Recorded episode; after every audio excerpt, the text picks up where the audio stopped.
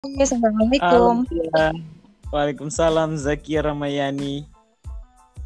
Bagaimana kabarnya? Aduh lagi kangen sekali sama istri dan anakku leh. Luar biasa ya soalnya apalagi semua subuh-subuh itu pelucu. Itulah kangen itu eh, kangen itu pas eh, tidak tidak melihat anakmu apa pertumbuhannya mendampingi apalagi lagi pintar-pintarnya kan Apalagi di situasi begini, itulah Hmm. khawatir pasti. kau btw apa kabar ya Sebenarnya lagi kurang sehat, cuman pas dengar kau langsung semangat. Masya Allah luar biasa saya ini tinggal di Perumnas ya Palu Barat Hah? Di, kenapa kenapa kok FT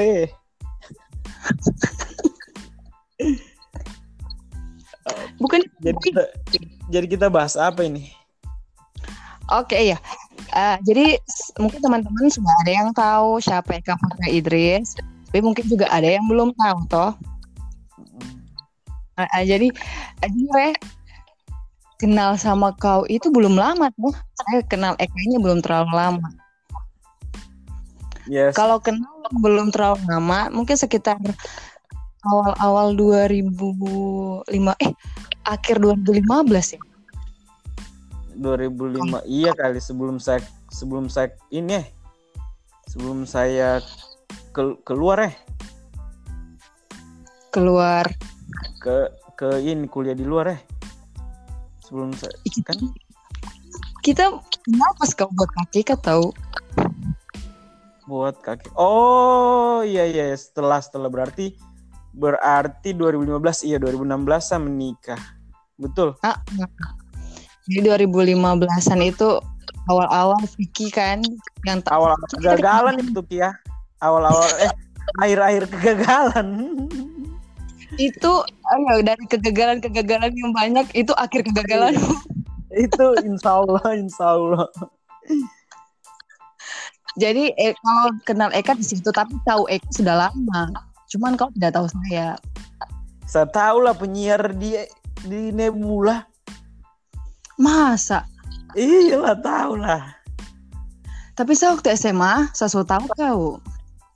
itu iyalah Jadi dari SMA ini Eka Putra itu sudah hit sekali kan karena dia seniorku beda dua angkatan ya. Kelas satu dia kelas tiga. Mm.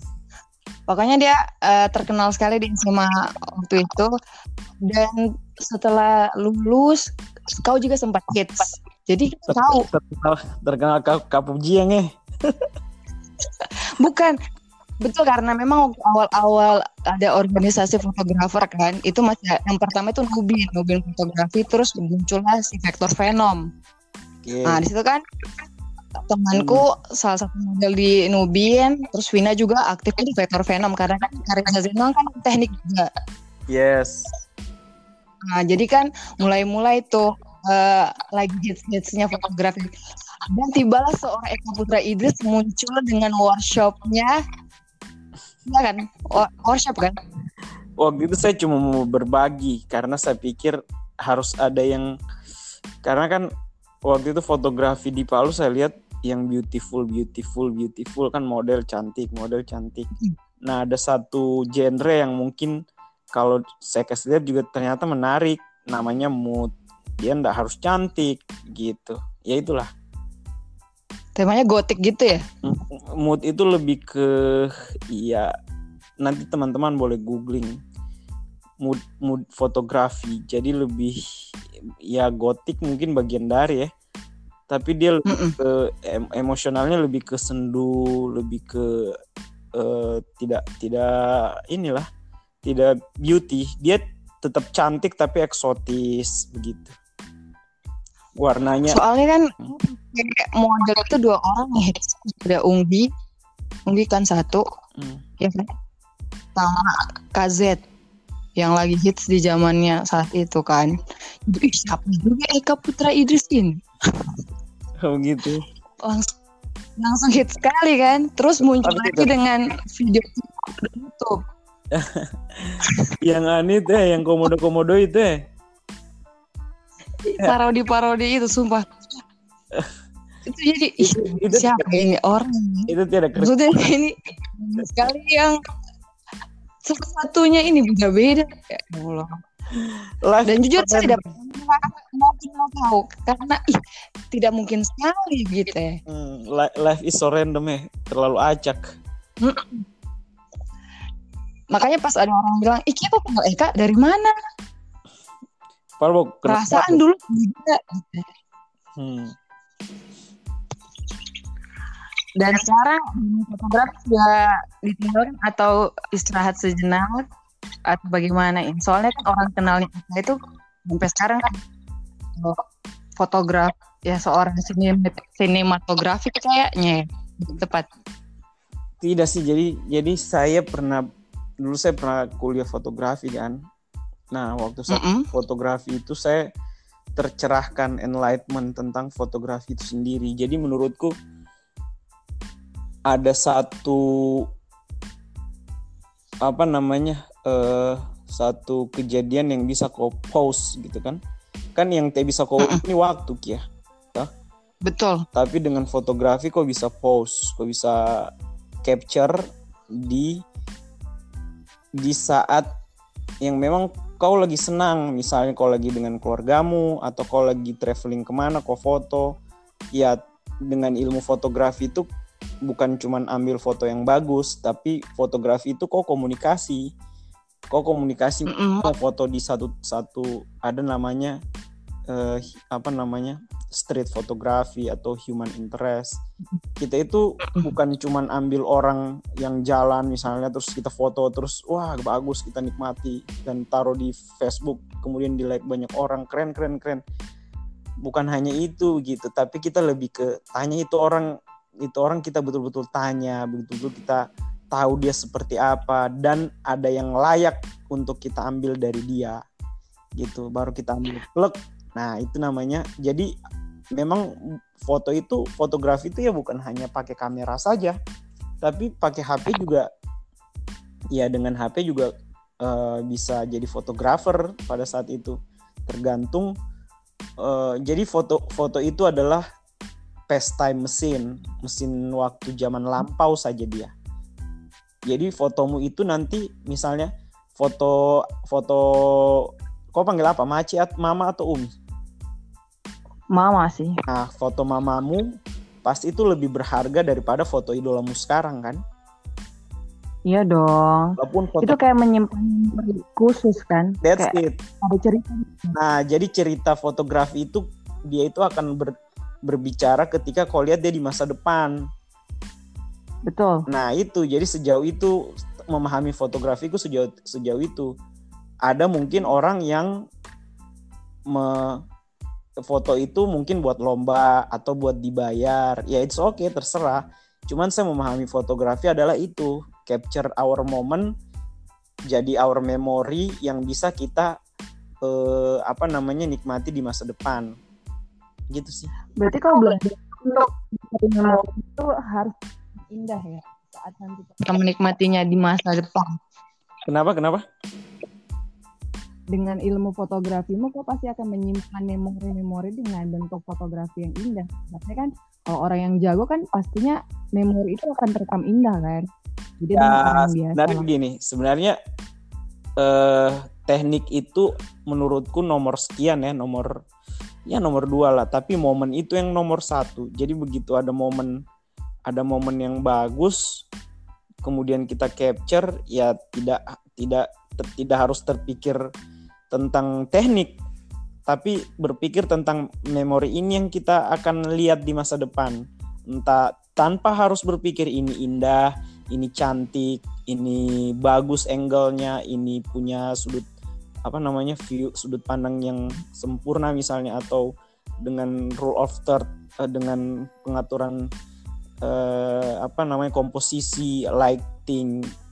No, ini tentang menikmati momen itu yang kita ambil saat ini kemudian di masa depan kita masih bisa merasakan. Nah, dengan ilmu fotografi misalnya tentang teknik, kita masih kita punya pilihan untuk buat itu tidak hanya diambil begitu saja tetapi ya ada ada ada tadi itu ada lightingnya diatur sebelah sini misalnya. Oh kok kok ke kiri sedikit biar cahayanya bagus kena cahaya mataharinya misalnya bagus kena rambutmu misalnya begitu. Jadi ya itu bonusnya sih tapi bukan itu nomor satunya. Nomor satunya ya capture the moment. Momennya itu tapi kalau saya kalau mau foto itu terlalu bukan cuma momennya deh dia harus perfect. Iya tata lekangnya saja itu. Cuma dia private saja masya allah tempatnya. Jauh sekali ditinggikan pas sampai udah jauh-jauh tempat yang disediakan untuk sesuai DP mau ganti tempat. Iya iya itulah. Maksudnya kan kita mau ambil sesuai apa yang kita mau kan. Jadi mungkin orang yang yang mungkin ada yang orang kau juga di mana? Di anu tuh jauh juga tempatmu.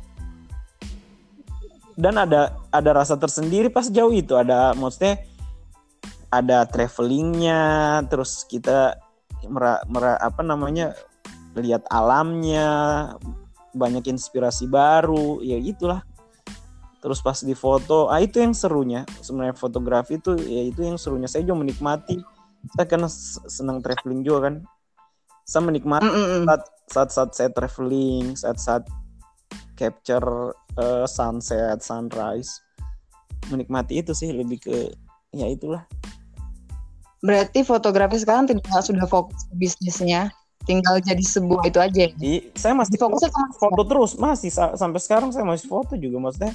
Tapi saya tidak harus ya itu tadi ya karena saya punya saya punya fotografi itu maksudnya saya tidak harus tampilkan secara media maksudnya atau di sosial media atau saya jual dalam jadi jasa fotografer misalnya kan tidak seperti itu. Mm -mm. tapi saya tetap foto. Tadi saya juga masih bawa foto.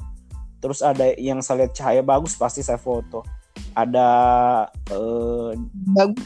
uh, pasti saya foto. Cuman ya begitu tidak yang mesti karya the best atau karya terbaik yang bisa menjadi juara atau menjadi jualan yang bagus ya tidak harus tidak se sampai di situ sih saya. Soalnya kan pernah sama Charles. Hmm. Tapi itu eh, kan tidak sampai Charles pun bilang kalaupun dibandingkan dengan Eka akan pasti dibandingkan ya, fotonya. Tidak, Gila. Tidaklah, saya itu kau tahu, saya kemarin foto foto shoot itu anak-anak sekolah oh, pakai Charles. Padahal saya bisa foto, iya serius. Saya ada ada lighting, ada kamera. Tinggal tapi waktu mau pas saya mau saya lagi buat anu kan buat eh, apa namanya? buat website kan. Jadi uh -uh. saya ambil saya ambil Charles untuk ininya fotografernya karena saya, saya tahu dia punya gaya yang bagus yang saya tidak bisa dapat. Ya sudah saya pakai dia. Gitu.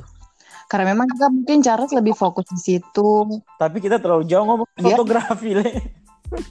Oke, tapi memang Eka itu tidak bisa lepas dari fotografi kan? Oh. karena memang basicnya orang punya Eka ya di dunia itu. Iya itulah. Oke okay, man mm -mm. dan sekarang lagi sibuk apa sekarang masih ini sih masih sibuk bertani. Bercocok tanam. Ini bercocok tanam di mana? Di Sigi? Di Sigi ya di Sigi di rumah berkebun luar biasa sampai siapkan sawah ya untuk panen di Ramadan itu ya. Jadi gini saya begini. Jadi iya kan kan saya mengelola sekolah kan uh, kerja di sekolah jadi sekolah itu adalah lembaga salah satu lembaga yang paling terdampak social distancing karena orang tidak akan pergi sekolah kan. Jadi orang Benar. belajar di rumah, belajar di rumah. Jadi guru-guru itu guru-guru itu sekarang buat modul untuk pembelajaran di rumah. Nah, tapi ada kita juga ada daycare kan. Daycare itu penitipan anak dan daycare itu depan Anutapura. Jadi, wah, depan Tapura sangat riskan dong. Kalau misalnya kita buat penitipan di situ eh, ada penit tetap buka ya sangat beresiko. Nah, tapi tapi kita punya prinsip untuk sepahit apa pun kita jangan sampai mengurangi eh, jangan sampai merumahkan karyawan atau jangan sampai me, tidak membayar mereka punya gaji walaupun kita mesti menjual sesuatu walaupun kita mesti bawa utang yang penting karyawan ini tercukupi begitu tercukupi kebutuhannya ini prinsipnya guruku juga sih saya belajar. Nah, jadi dengan itu, wah saya berpikir wah bagaimana ini ya. Terus ya bosan juga kan, maksudnya dapat tiap hari timeline di Facebook tentang corona, di IG corona, TV corona, YouTube corona, wah dan yang di blow up, yang di blow up yang tiga persen meninggal segala macam. Oke, nah jadi untuk itu kita sudah buat ini, kita sudah buat namanya Palu Bebas Corona gerakan satu gerakan PBC ini yang menampung teman-teman komunitas yang ya kerja kolektif komunitas menjadi satu tempat informasi. Jadi di situ saya bisa tahu oh ternyata ini sekarang yang terjadi, ini sekarang yang yang hoax, yang apa yang ini sehingga eh, menjadi satu kesatuan gitu, satu framework untuk eh, apa namanya Palu ini dalam tanggap darurat 29 Mei itu memang betul-betul bebas corona, itulah intinya. Nah, dari kita bergerak sendiri itu bergerak di bagian ketahanan pangan. Karena efek corona ini bisa bisa saja terjadi reses ekonomi. Reses itu artinya dia istirahat, dia berhenti bisa jadi kayak krisis tahun 98 atau Great Depression di Amerika tahun 30 dan ini tuh lebih ba lebih parah dari 98 98 itu kita masih bisa keluar orang-orang bekerja. Nah tapi yang ini memang betul-betul semua orang terpapar corona secara ekonomi ya. Semua semua kena sektor secara ekonomi. Jadi jadi kita tidak bisa mana semuanya kena. Banyak dan banyak ah tapi tapi banyak kreativitas kreativitas baru juga yang muncul begitu di rumah begitu di karantina di karantina kan? Nah jadi saya saya berpikir oke sekarang saya tahu sekarang ada data yang memang yang memang eh, corona bahaya. Terus kalau misalnya ekonomi sampai reses ini tiga bulan pertama itu oke kita masih bisa spending uangnya kita misalnya untuk ke ke pasar. Tapi pasar juga rentan sekali karena pasar itu kita nggak tahu di pasar ini kebersihannya kan. Terus eh, kita nggak tahu penyebarannya kan sangat mudah terjadi di pasar. Sudah lembab uang perputaran di mana-mana. Orang-orang mungkin mungkin ya orang-orang mungkin kurang teredukasi dengan baik tentang corona dan orang-orang lebih takut kelaparan daripada takut virus. Kalau orang teh keluar kan maka Bener. anu toh eh tidak tidak temakan orang punya keluarga. Nah dari situ saya berpikir oke berarti paling tidak kita ini bisa paling tidak kita ini bisa ber, ber- apa berdaya secara pangan. Nah makanya saya langsung saya kan sekarang numpang di rumah tanteku ya numpang rumah tanteku Di? di Pengau saya oh jadi iya dia punya paving di depan itu saya bongkar kok tahu. saya bongkar saya kasih jadi saya taruh rumput. Pokoknya kalau dia mar pokoknya saya punya prinsip, sorry saya punya prinsip lebay minta maaf daripada minta izin. jadi saya jadi saya kasih jadi rumput. Ah, jadi saya berpikir oke, oke mau tidak mau paling tidak eh, berdaya secara pangan itu yang kau makan sehari-hari itu kau bisa dapat sendiri dengan dengan kepastian bahwa itu sehat? Karena kau tanam sendiri dan tidak perlu lahan yang besar. Karena melalui pot Mm-mm. bisa melalui pot bisa polybag dan mudah gitu. Kita punya tanah-tanah yang subur. Nah jadi itulah yang saya manfaatkan. Begitu saya belajar. Bisa kenapa aku mungkin apa? Kenapa bukan paving supaya supaya bisa tanami rumput taruh tanah toh tapi di belakang kan ada. Masih luas ada tanaman tomat ada banyak saya lihat kemarin. Bukan kenapa di- kau bongkar bukan ini di situ saya bukan. Gimana? So pindah lagi, bukan yang tempat di Pengau juga, bukan yang tempat kemarin kau datang itu. So tinggal oh lain lagi. lain lagi, lain lagi. Ah jadi jadi itulah. Jadi saya saya taruh rumput itu untuk misalnya nanti mungkin saya bisa pelihara kambing. Jadi dia makan rumput di situ di halaman rumah. Walaupun cuma dua kambing toh Mm-mm. nah jadi persiap tidak iya jadi ayam kan Nah, ayam, kambing, kayak begitu kan maksudnya apalagi ini mau Idul Fitri kan, mau mau puasa kan?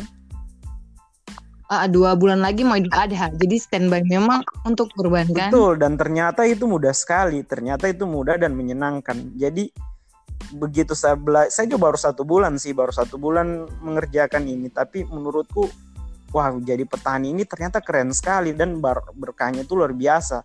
Dan saya mau jadi petani gara-gara itu, gara-gara saya pelajari tentang eh, ketahanan pangan. Jadi kita bisa bukan cuma ketahanan pangan, tapi kita berdaulat secara pangan dan berdaulat secara energi. Karena menarik sekali. Jadi begini, kita punya kesempatan untuk mengkonversi barang yang paling tidak disuka sama manusia menjadi bahan yang akan yang menjadi bahan yang paling dibutuhkan sama manusia. Contohnya apa? Misalnya kau pasti tidak pasti sisa-sisa makananmu di dapur kau buang toh. ih tidak dong saya sudah belajar dari nenek saya Terus untuk kalau saya dulu harus ada ayam Ah. harus ada kam eh, ada kucing jadi makanan tidak boleh ada yang Nah. perlu dibuang untuk makanan ayam Yes. gitu itu dia. Jadi tapi begini, tapi intinya sampah-sampah dapurmu kau buang toh. tidak dong Terus terus mungkin sampah-sampah dapurmu Eka baru ya kalau kayak rica tomat yang tidak terpakai kan di rumah Nun itu kan luas sekali halaman Hmm. kan di belakang itu rica Hmm.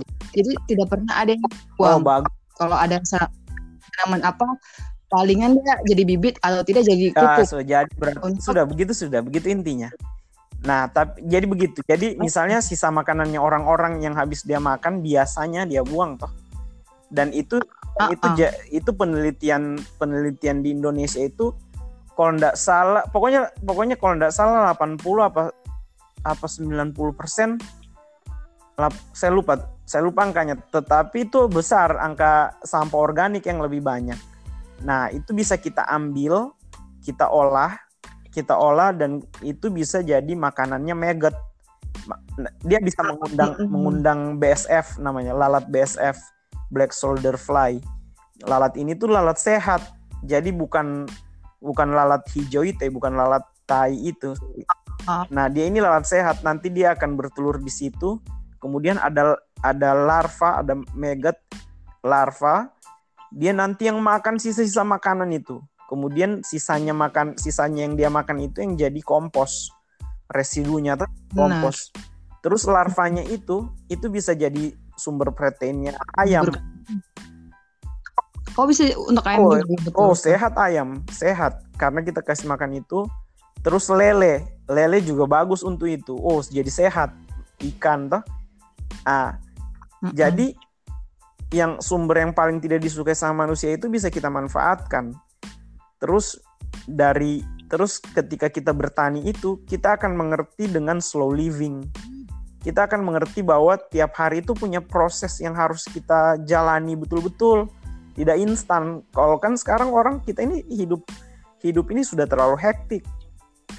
Di bener sih Iya, jadi ambil instan kalau mau ma- beras kan tinggal ke pasar padahal proses itu kan panjang betul. Jadi begitu kau tahu bahwa ternyata misalnya ternyata ricai itu yang kau makan itu dia dari dari biji yang cuman sedikit itu kemudian kau tanam kemudian dia tumbuh sedikit baru dia tumbuh eh, eh, tumbuh lagi tumbuh lagi baru jadi rica baru dia di, dikumpul baru dia ke pasar baru dia diulek baru kau makan.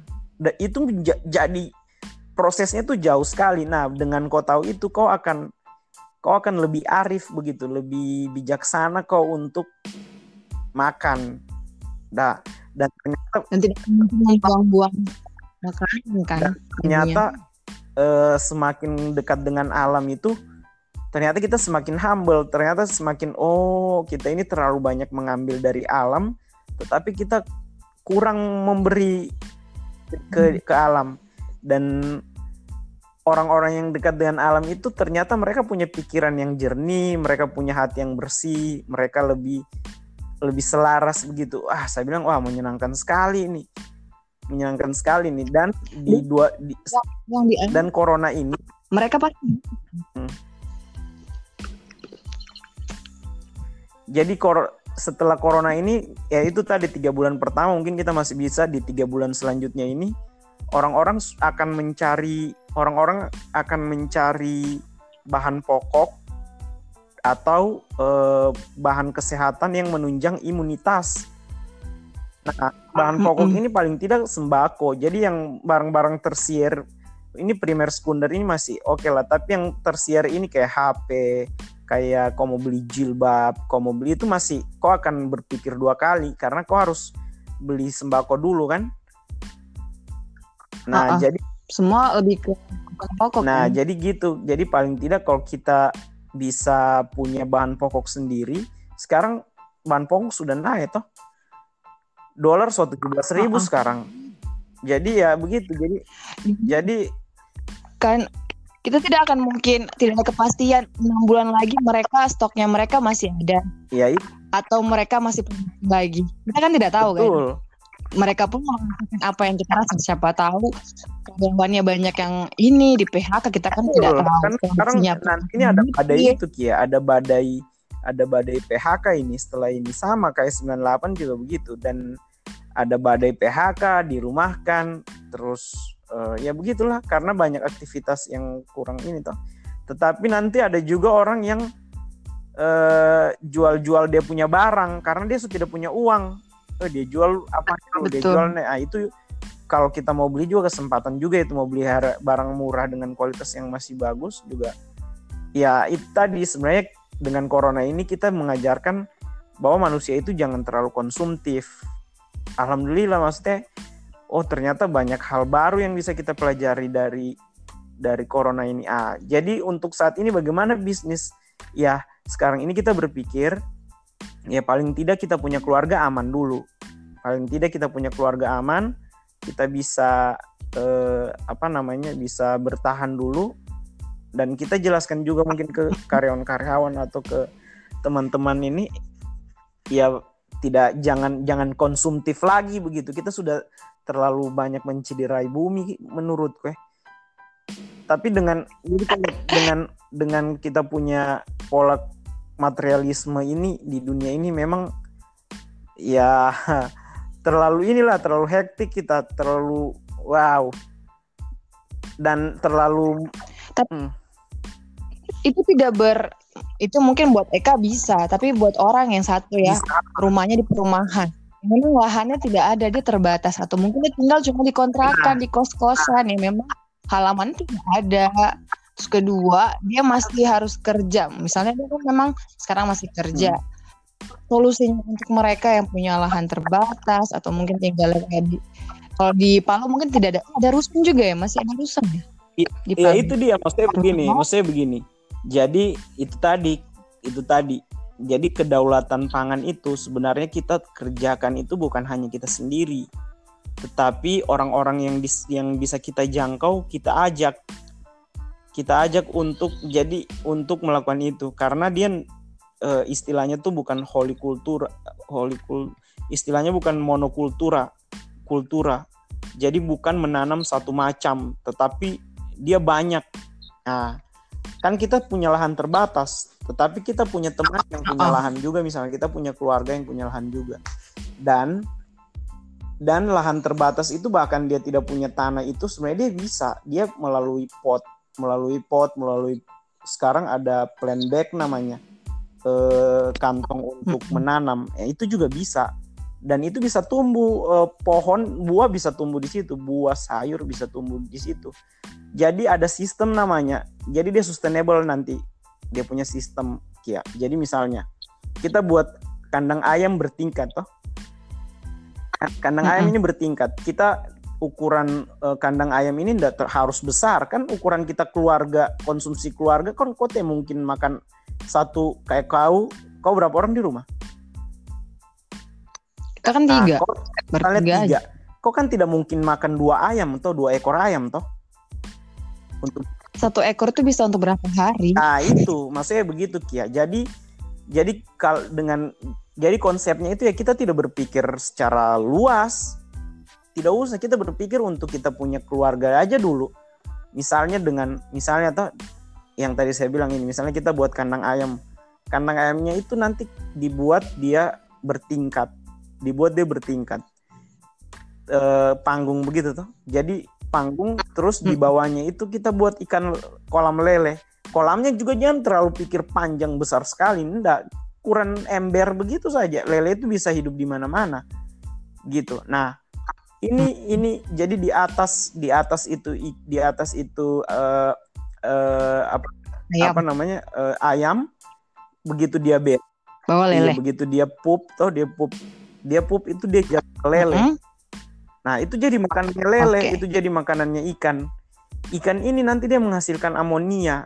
Dia punya dia punya feses, dia punya tai itu juga jadi amonia, jadi pupuk untuk kau misalnya taruh di lele itu, kau taruh kangkung itu dia tumbuh. Jadi kau taruh anu tuh, kau taruh eh, gabus misalnya tuh gabus, kemudian kau bolong-bolong, kau taruh di rock wool namanya untuk benih. Nanti itu jadi nanti itu dia jadi jadi pupuknya itu sayur. Sayur, Kangkung. sayur itu juga nanti jadi nutrisinya begitu. Nah, sayur itu juga nanti akar-akarnya itu menghasilkan menghasilkan ini juga makanan untuk lele. Jadi sustainable begitu terus. Kau mau makan ayam ada, kau mau makan sayur bisa, kau mau makan Ikan ada. ada. Sesimpel itu. Oh. Jadi tidak terlalu harus berpikir banyak. Nah, apalagi mungkin kau tinggal bertetangga misalnya dan temanmu dengan orang atau dengan keluargamu. Keluargaku sekarang semua batanam. Semua saya suruh batanam. Di ada keluargaku yang di Poboya malah sudah jadi semua dia punya. Sudah ada jagungnya, pisangnya, eh, kema- cemangi kalau tidak salah, tomat, ayam, kambing belum. Terus yang di yang kemarin rumahku itu itu sudah dia buatkan Mm-mm. kandang ayam di belakangnya. Kandang ayamnya itu karena dia luas pekarangannya, ya dia buat kandang ayam kampung. Jadi ayam kampung cuma dikasih biar begitu saja. Malah ayam kampung itu ditaruh misalnya dia ditaruh di tanah kan, ditaruh di tanah terus dihamburkan makanan, nanti tanahnya itu bisa jadi pupuk kompos juga. Jadi banyak hal kita tidak perlu keluar untuk beli pupuk. Kita cuma perlu merawat seperti apa alam ini bekerja. Kita rawat, sudah nanti insya Allah kita bisa dapat barokahnya dan barokahnya itu maksudnya rezeki dan ini juga ini juga harus kita pahami sama-sama bahwa rezeki itu sekarang ini ya harus kita pahami bahwa rezeki itu bukan cuman uang. Toh, tidak paling tidak kayak begini kayak kau punya teman yang baik saya punya Kia yang kalau misalnya saya punya ide ah saya mau tanya Kia ini kayak sudut pandangnya apa? Ah, itu juga kan rezeki toh. Vicky Fahri Iwan Ah. yang teman-teman saling saling mensupport kan rezeki juga. Dapat misalnya kau kerja di tempat yang bar- bagus ya rezeki juga kau dapat keluarga yang harmonis ya rezeki juga. Kau sekarang menghirup udara kau rasakan matahari kena kena mukamu. Wah ternyata terus kau rasakan apa namanya air. Itu kan juga rezeki begitu masih kau masih bisa rasa itu dan. Nah itu yang harus kita tanamkan bahwa ya jangan terlalu jangan terlalu matre hidupmu begitu. Jangan terlalu uang uang uang. Itu yang kau bilang rezeki. Come on sempit itu pikiranmu tentang rezeki. Nah jadi begitu kau dapat begitu kau rasa angkamu cukup kau akan jauh lebih bersyukur. Dan begitu kau bersyukur Allah kasih nikmat yang lebih toh. Alhamdulillah ada lagi nikmatnya. Begitu kau bersyukur Allah kasih lagi nikmat yang lebih. Sesimpel itu. Tapi tapi kalau kau berpikir wah tiada lagi uang apa mengeluh lagi. Eh sudah begitu hidupmu. Kan sebenarnya sebenarnya Santai, santai. iya gitulah untuk tadi tuh mikirnya eh, ayam itu modalnya cukup besar loh Eka untuk Iya. oh, jadi mikirnya ya kok untuk orang yang Iya. tunggu saya suruh pilihan ya misalnya orangnya terbatas memang memang namanya kayak pekerja harian lah misalnya memang karena uangnya terbatas apa saja yang wajib dia tanam misalnya kok ya, sebenarnya begini. alternatif yang sebenarnya begini atau yang dilakukan yang bisa sesuai ekonominya. Iya. Jangan kalau membeli ayam buat kandang ayam kayaknya untuk orang-orang yang mungkin selain E- Eka mungkin mampu, tapi ada orang yang tidak mampu kak. Tidak, Gitu. tidak begini gini. Kalau- Gini gini gini. Jadi sebenarnya begini, sebenarnya kita tidak perlu harus membeli juga. Jadi barang-barang bekas yang ada di rumah juga bisa dimanfaatkan sebenarnya. Dan misalnya tidak harus langsung banyak sekali ayamnya. Beli satu Iya, gitu. beli satu dua untuk keluarga untuk buat ada. Misalnya tidak usah beli buat kandang ayam tapi ada kurungan ayam misalnya. Yang harganya cuma berapa? 15 ribu, 20 ribu toh. Maksudnya tidak harus Tapi kak, Hmm. selama saya yang selama memang hidup dengan ayam, nenek saya pelihara ayam, Hmm. abah saya pelihara ayam, dan sekarang pun di belakang rumah saya banyak ayam. Hmm. Tidak semudah itu karena ada orang yang memang tidak bisa. Iya. Ayam itu dia juga dia milih ya. Ya. Ada yang meninggal, meninggal mati ayamnya karena memang orangnya tidak bisa gitu. Betul. Ya, ya nggak mesti juga sih. Betul. Yang semisa sebisanya kau buat saja. Kayak saya kan di sini kemarin saya sudah mikir ya. Sebelum itu terjadi dari Wuhan saja beritanya kita harus tanam ubi. Kayak saya mikirnya ke singkong karena dia lebih cepat. Tanaman menanamnya pun juga gampang, tinggal tancap eh, batangnya itu pasti hidup. Sama kelor, kelor pun juga seperti itu karena kan kalau di sini kan konsumsi kelornya itu masih tidak seperti di Palu. Kelor tuh dibiar-biarkan saja kayak tanaman liar yang tidak dikonsumsi. Padahal sekarang kita tahu kelor salah satu yang eh, di, menurut penelitian sangat bagus untuk tubuh kan, apalagi menangkal virus corona. Jadi yang sesimpel itu yang mudah ditanam seperti singkong misalnya Ya, iya. atau kelor yang batangnya tinggal kamu tancap Hmm. Itu gampang.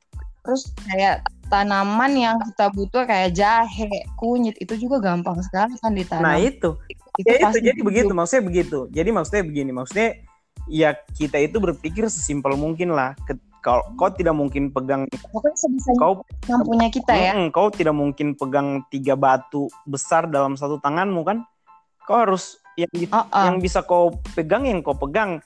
Yang maksudnya kau jangan terlalu kita boleh bermimpi tinggi tapi we do small step begitu. Big dream tapi small step yang bisa kau jangkau dulu lah yang kau kau anu kau misalnya kau mau tidak mau tidak eh, setengah mati pelihara ayam begini eh jangan kau pelihara ayam tapi kok Atau tapi berteman sama orang punya ayam kali ya.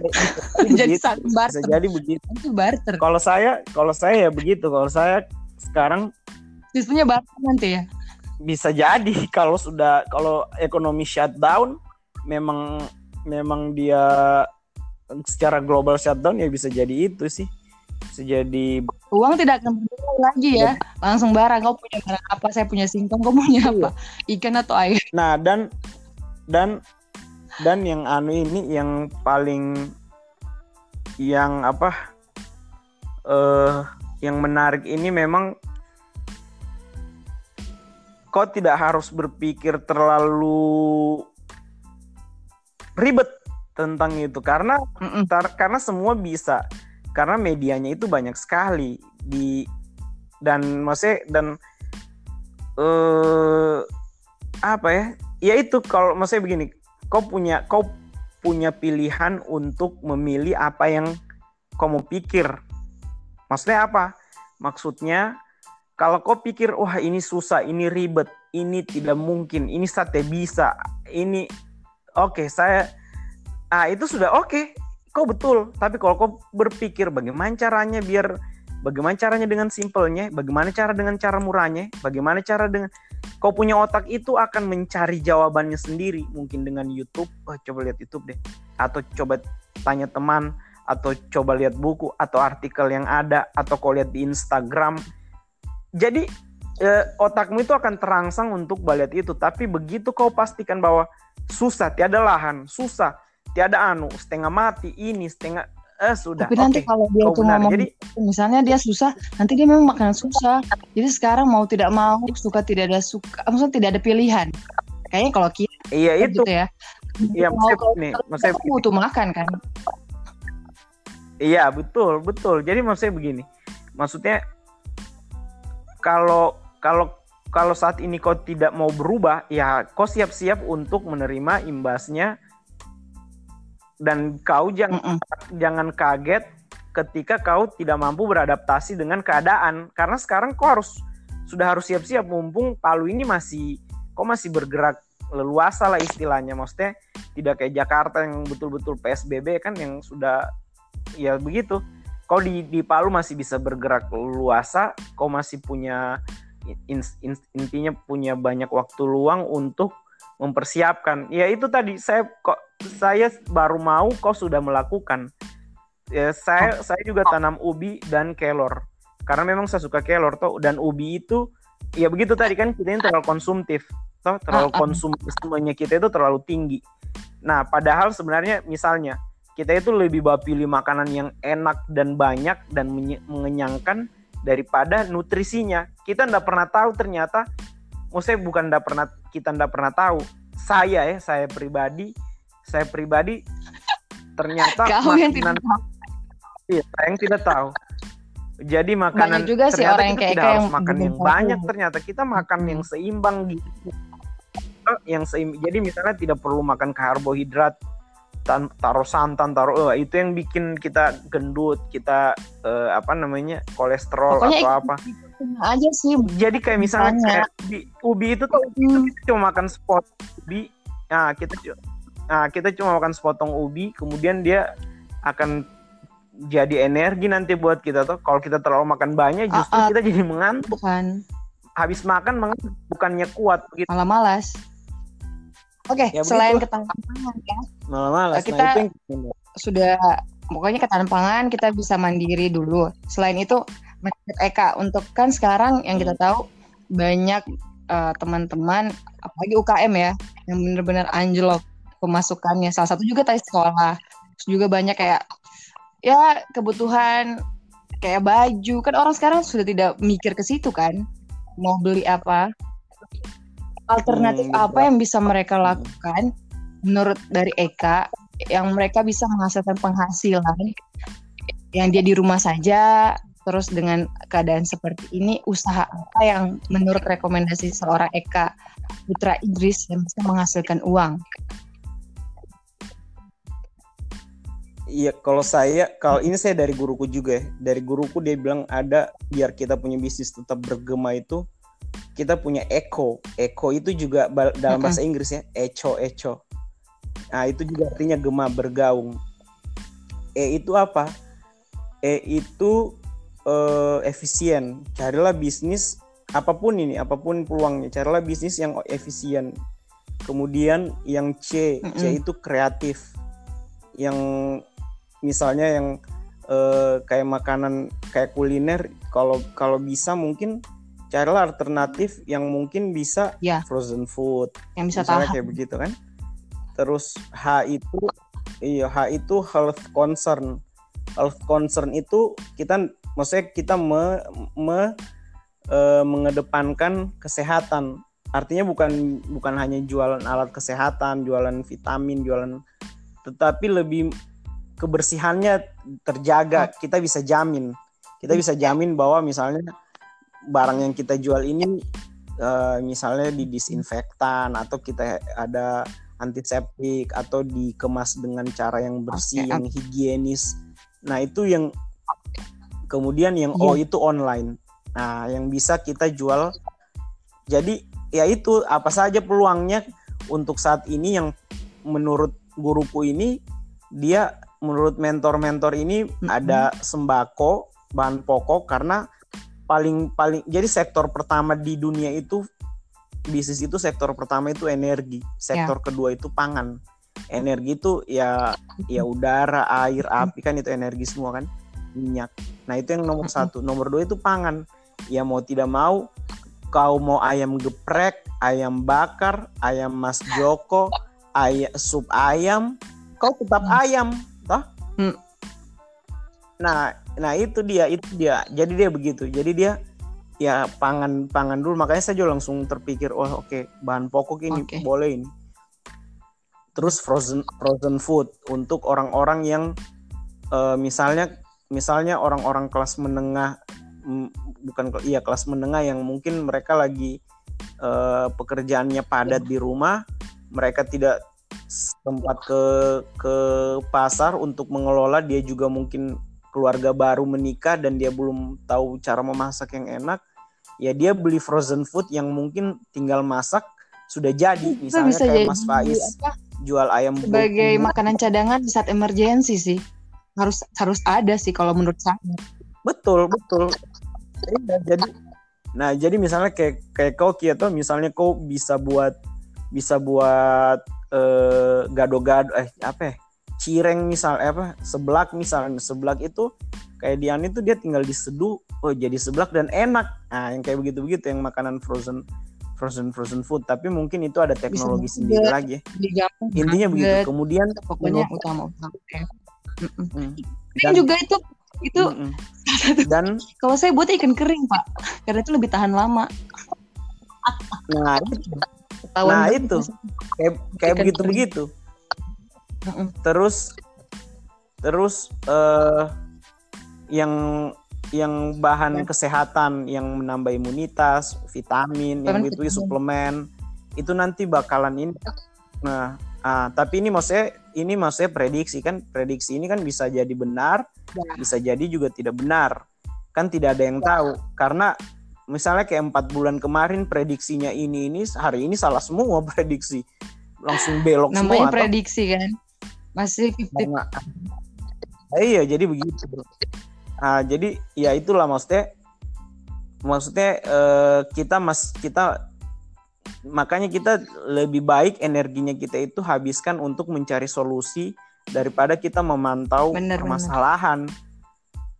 Kita sudah tahu iya kita sudah tahu ini. Oh masalahnya ini.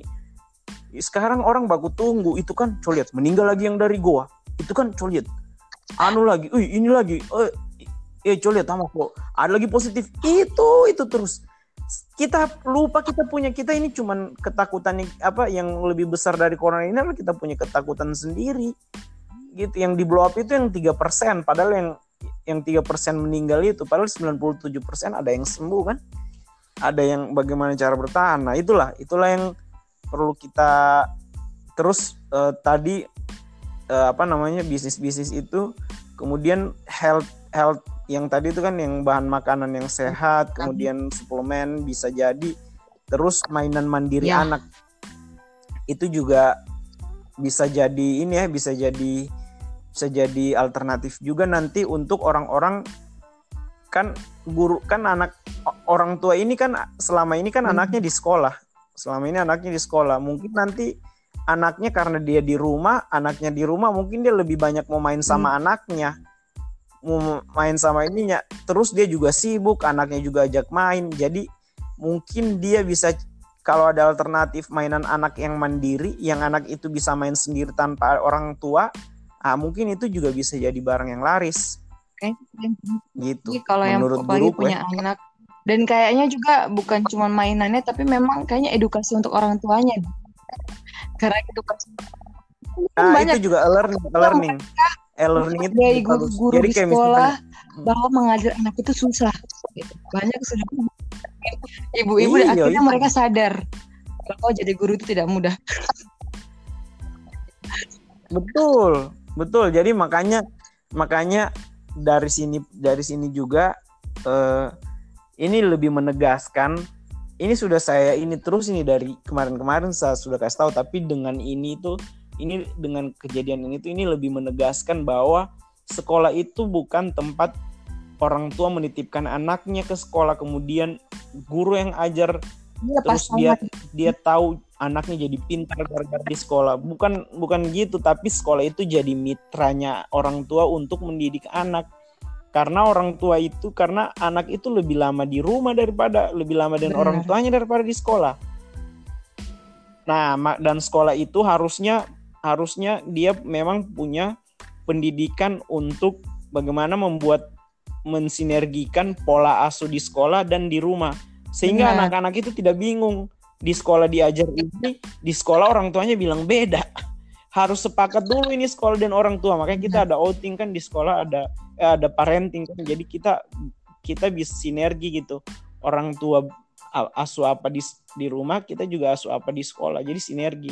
Dan setiap anak itu kan unik. Setiap anak itu punya Benar, gaya belajarnya masing-masing.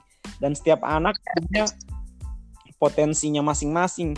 Jadi sekolah itu sekolah itu harus berpikir kita ngomongin sekolah ini. saya mau sebenarnya Gitu memang lah. juga saya mau ini cuman kayaknya lebih cocoknya nanti ke Bunda Ros ya kalau ngomong Ba- ngomong Oh, iya boleh kalau dia iya. lebih ini tah lebih ke kita mungkin secara umum dan saya tidak punya kapabilitas Tapi ngomong sih. itu sebenarnya cuman sebagai kan prak- sebagai CEO cuman ya sebagai praktisi di situ ya ya belajar bisa lah saya sharing-sharing. Ya pokoknya itu tadi ya. Oh iya Eh, saya juga sempat nonton Eh, jadi pe- pe- pekerjaan selain jual beli yang bisa kita dapatkan penghasilan dari situ sebenarnya banyak sih. Misalnya kalau yang di rumah ya, sebenarnya nulis buku bisa jadi kan bisa jadi sebenarnya sebenarnya banyak banyak hal. Kalau kita mau lihat banyak hal ya banyak hal. Kalau kita mau lihat wah ternyata nandasa ya nandasa. Jadi begini sebenarnya begini. Ini saya punya prinsip dari habis Mm. kakek kait teh habis kakek kait saat kan ini prinsip ini. If dari Henry Ford Henry Ford ini Henry Ford ini dia eh, penemu mobil Ford itu. Dia yang mendistribusikan. Kau tahu Ah, Ford ah. toh mobil Ford toh tapi dia sudah so meninggal dia. Dulu dia penemunya. Jadi dia dia bilang if you think you right and you think you not you both right gitu. If you think you can and you think you cannot you both right. Jadi kalau kau pikir kau bet, kau bisa dan kau pikir kau tidak bisa kau dua-duanya betul. Kau pikir kau bisa betul. Kau pikir eh tidak bisa ini. Kau juga betul. Tinggal kau Gitu. pilih yang mana jadi kalau kau Ah, iya jadi jadi ya itu kau mau pilih gambar yang mana yang kau mau lihat? Kau mau pilih gambar yang ay nandasa ini so tiada apa-apa nandasa kita ini sudah. Eh, sudah oke. Apalagi mungkin dia kena PHK misalnya banyak kena badai teman-temanku PHK yang merasakan itu sekarang Nah, itu. Kalau kita mau pikir ya itu tapi sebenarnya banyak peluang baru. Jadi ketika pintu tertutup itu Lain sebenarnya banyak pintu pintu baru ah, ah, pintu lain yang terbuka banyak. Btw ini kita ngomong begini sampai 55 menit ada yang dengar? Ya, ini masih direkam pak. Nanti di post itulah itu nanti dengar ini. Kalau gini. dengar lah di 10 platform. Oh, ada. Mau oh dengar begitu. Spotify mau dengar di eh, Google terserah. Pokoknya banyak yang dengar oke. Mudah-mudahan. Sip. Nanti saya minta feedback ya, biar saya juga Eka. belajar. Ini kan sudah mau satu jam. Terakhir nih. Pesan Mm-mm. buat eh, mungkin buat teman-teman khususnya yang di Palu yang mungkin lagi down lagi meratapi nasib. Kan kalau banyak banget orang yang di PHK usaha-usaha yang sudah nyetok banyak ternyata tidak bisa menghasilkan apa pesan? Mhm. Oke, jadi eh jadi begini. Jadi saya ini korban salah satu korban bencana di eh Palu kemarin dah di 28 September 2018. Saya sempat kena tsunami sama anak dan istriku dan waktu itu anakku umur 10 bulan bahkan jalan saja belum. Dia sempat terbawa ombak dan istriku terpisah terus kita selamat terus begitu pulang ke rumah ternyata rumah rumahku di Permas Balaroa hancur dan Mace dan adekku meninggal toh. Nah, jadi itu 2018 2019 itu kita orang akreditasi A SD alhamdulillah. Nah jadi begini. Jadi teman-teman itu sebenarnya kejadian di luar ini tuh sebenarnya netral. Oh. Cuman kita yang mau menilai itu sebagai apa. Jadi kalau saya punya kejadian kemarin itu saya nilai misalnya, oh ini ada musibah, musibah ya, terus azab. Saya langsung berpikir, toh misalnya itu yang saya pikir toh, saya langsung tak pikir, kira, wih keluarga aku ini habis melakukan apa ya, kena azab begini, saya ini habis dosa apa, kena musibah seperti ini Hmm. misalnya. Nah tapi kalau kita shifting our mindset, kita ganti point of view-nya, kita ganti sudut pandangnya bahwa ini misalnya ujian. Ujian itu Allah tidak memberi ujian pada hambanya di luar kemampuannya kan? Artinya artinya ketika kita berpikir begitu, ih saya ini dapat ujian begini seberapa kuat lah ya? Nah itu langsung pikirannya itu langsung beda. Jadi sebenarnya there's no bad pictures it's only perception. Tidak ada gambar yang buruk tidak ada kejadian yang buruk sebenarnya yang ada itu persepsinya kita terhadap kejadian itu. Gitu. Jadi kalau misalnya corona ini ya oke misalnya corona ini ada dan ya kita terkena imbasnya oke stop kita kena imbasnya tidak usah terlalu berlarut-larut dalam itu. Tapi berpikir pintu apa yang bisa kita yang terbuka lebar dari sini? Apa yang ketika ini pintu tertutup? Misalnya kita uh, tertutup tapi apa yang bisa terbuka misalnya? Apakah kita jadi begini jadi maksudnya ya jangan juga terlalu melihat uh, apa namanya yang tiga persen meninggal atau berita-berita negatif. Oke okay, come on. Saya di PBC itu sudah muak saya dengan berita corona ini. Sudah saya cuma tahu data dan oke okay, saya melanjutkan yang lain.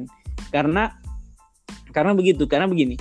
Sebenarnya kalau kita mau lihat dunia ini di pada saat titik kritis dia akan bergerak kemudian dia harmoni hmm. kembali ya mungkin mungkin ini bencana alam juga gitu bencana alam sebenarnya dia bencana alam karena di situ ada penduduk tapi kalau dia tidak ada penduduk namanya fenomena alam yang bencana itu karena di situ ada penduduk di jadi terus rusak dan meninggal jadi bencana. Padahal dia sebenarnya fenomena biasa yang terjadi untuk membuat untuk bumi ini bergerak biar dia lebih harmonis, harmonis kembali. Nah, mungkin juga corona begitu. Kita lihat di gara-gara corona ini di Itali di Itali itu datang datang lumba-lumba ke pantai. Artinya sehat. Di Venice yang mereka notabene eh, transportasinya di kanal, kanal itu got ya, tapi gotnya jangan kau pikir kayak got di sini yang banyak sampah tapi, itu dia banyak schooling itu bener. sehat. Terus di Jepang di Jepang itu sampai datang sampai datang eh, rusa rusa itu sampai ke ke kota. Nah, artinya ya begitu artinya ada hikmahnya ya. Terus Iya di di mana di di Cina di Wuhan itu jadi ada NASA. NASA ini kan Badan Antariksa uh -uh. Dunia. Dia ambil Gambar. dari satelit gambar yang aneh itu tuh yang, yang sebelum dan setelah covid ini kan sebelum covid itu dia punya asam tinggi sekali banyak sekali polusinya. Karena industri kan di Cina jalan terus dunia terlalu hektik terlalu cepat. Jadi terus begitu tidak ada itu begitu tidak ada itu dan itu jadi bersih. Begitu setelah covid itu bersih dan itu terbaik sepanjang sejarah kalau tidak salah. Nah ini sebenarnya siapa yang virus virus atau kita yang jadi virus Aduh. jadi begitu ini maksudnya akhirnya mereka bisa melihat awan dan bisa melihat gunung setelah sekian nah, nah iya di, di Jakarta begitu jadi maksudnya orang-orang Jakarta bilang kita tidak pernah seindah ini melihat gunung di Jakarta. Ternyata ada do, ada dari nah itulah maksudnya uh, mungkin dengan cara dengan corona ini memang caranya Allah membersihkan bumi kan. Dengan corona ini bumi self healing begitu. Dia me, ah itulah. Jadi untuk teman-teman yang sedang galau dengan dengan uh, nasibnya yang sekarang yang dia ratapi itu coba mungkin melihat sisi positif apa yang terjadi saat corona ini. Itu sih sebenarnya PR-nya maksudnya kita punya pilihan yang kita, kita akhirnya bisa kembali kumpul bersama keluarga dan bisa menikmati itu. Nah oh iya dan itu rezeki, ya? rezeki besar tuh yang tadinya kita betul saya saya punya cerita-cerita nostalgia baru yang saya ketawa dengan dengar cerita nenekku tentang kakekku, tentang mamaku, tentang saya waktu masih kecil dan itu jadi bonding yang kuat. Jadi ya, jadi ini tuh makin dekat kita sama Iya mak makin banyak bercerita, makin kuat. Itu rezeki sekali yang tadinya orang misalnya uh, sholatnya sendiri, iya kan? Ada yang di kantor sholatnya, ada yang ini saat ini sholat berjamaah di rumah sama-sama. Oh rezeki nah. banget. Rezeki pagi sekali. sampai malam sama. Ya itulah. Sebenarnya yang paling luar biasa di situ sih kalau saya. Ya itulah. Ya itulah maksudnya. Jadi buat teman-teman yang saat yang yang yang kurang enak perasaannya ya kita bisa memilih untuk sesuatu yang kita mau lihat. Ya kalau kita mau lihat bahwa susah eh, kena kena apa namanya kena eh, corona di PHK apa eh, ini corona gara-gara ini ya itu yang kita mau lihat ya sudah. Tapi kita bisa memilih dengan sadar untuk tidak melihat itu. Kita bisa melihat cari peluang baru belajar baru ada rezeki yang lain yang dalam apa rezeki dalam bentuk lain yang banyak sekali hal yang bisa kita syukuri. Sebenarnya yang penting kita mencari Itu hal positif itu pasti ada. Dan kalau kita mencari itu pasti ada, iyalah gitu kan? Yang penting kita mau mencari. Mm-mm. Oke, terima Yes. kasih Eka. Sebenarnya saya tuh mau tanya-tanya juga tentang eh, kisah tahun lalu ya. Cuman saya tuh kayak tidak tega kak. Kalau mau tanya, karena saya penasaran dari dulu. Setiap mau ketemu kau, setiap mau kamu, aduh kayaknya Nah. saya tidak mau mengurek kisah-kisah lama. Cuman saya penasaran sebenarnya. Kok- kalau Padahal sebenarnya saya aja kok kau tak bisa ceritakan kok secara Tapi nanti di detail. podcast berikutnya, Joy. Saya punya cerita. Jadi saya, saya rasa eh sa- aneh ngomongin ngomongin personal Ah, oh, iya, iya. branding kan kita singgung. Jadi jadi personal branding itu Kia yang kemarin itu intinya begini, dia kasih teknik segala macam tapi intinya dia bilang intinya adalah story yang kau bangun tentang personal branding itu sendiri. Jadi cerita apa yang kau mau bangun dari seorang Kia Ramayani ini. Tapi cerita yang cerita aneh, cerita itu tidak yang kau buat-buat, yang original, yang tidak semua orang punya. Gitu. Kia ini mau dikenal sebagai apa? Sebagai broadcaster, anchor, sebagai beauty vlogger, sebagai apa kau ini mau dikenal? Dan kau punya cerita unik apa tentang tentang profesi yang kau dikenal itu? Gitu. Ah, jadi dengan itu saya bilang, oh berarti saya punya personal branding Sangat yang kuat, kuat. Kenapa? Kalau misalnya karena saya tidak punya cerita yang sama dengan orang lain. Saya selamat dari tsunami, macam meninggal, ada yang meninggal. Saya punya cerita tentang jadi STK saya eh apa masih kecil saya lahir di kamar mayat. SMP SMP saya tidak naik SMA kelas. juga. Toh, SMA. S- SMP saya kena bronkitis yang mengharuskan saya minum minum obat lima bulan. SMA saya tidak naik kelas, kuliah saya hancur, bisnis saya gagal, eh, pacaran saya ditikung, bah, Menik. menikah menikah. Apa? Maksudnya, cerita orang baru ya. so, so jam berapa ini? Oke. Jam-jam curhat ini. Nanti kita cerita tentangnya begitulah. Dan saya dan selamat dari tsunami baru saja di bidan waktu istriku melahirkan toh saya sendiri jadi bidan. Jadi saya pikir oh ini cerita yang mena- menarik sekali untuk di di di share gitu karena ini unik dan otentik dan saya tidak buat-buat. Jujur kak, Itulah. saya tuh mau jadi penulis sebenarnya. Nah, ini otak Wow. dan salah satu Good orang yang saya bukukan eh, kisahnya mungkin kau salah satunya. Amin. Saya doakan kok kayak jadi penulis yang bermanfaat untuk banyak you. orang yang kau punya buku sama Kang sama aku buku. Terus itu ada Amin. Oke, Ica. semoga eh, apa ya keinginannya apalagi yang beberapa perencanaannya untuk beberapa bulan ke depan tuh semuanya lancar dan semoga ketemu di podcast berikutnya Amin. pandemi ini sudah berakhir. Amin. Amin. Amin. Amin. Oke, terima kasih. Eka dan terima kasih buat semua yang udah dengar. Nanti kan podcast terbahagia lainnya, pokoknya selalu dengerin Kia. Pasti Zakia Rameni di podcast Kia Palu. Bye bye. Assalamualaikum warahmatullahi wabarakatuh. Oke, thank you Eka. Waalaikumsalam.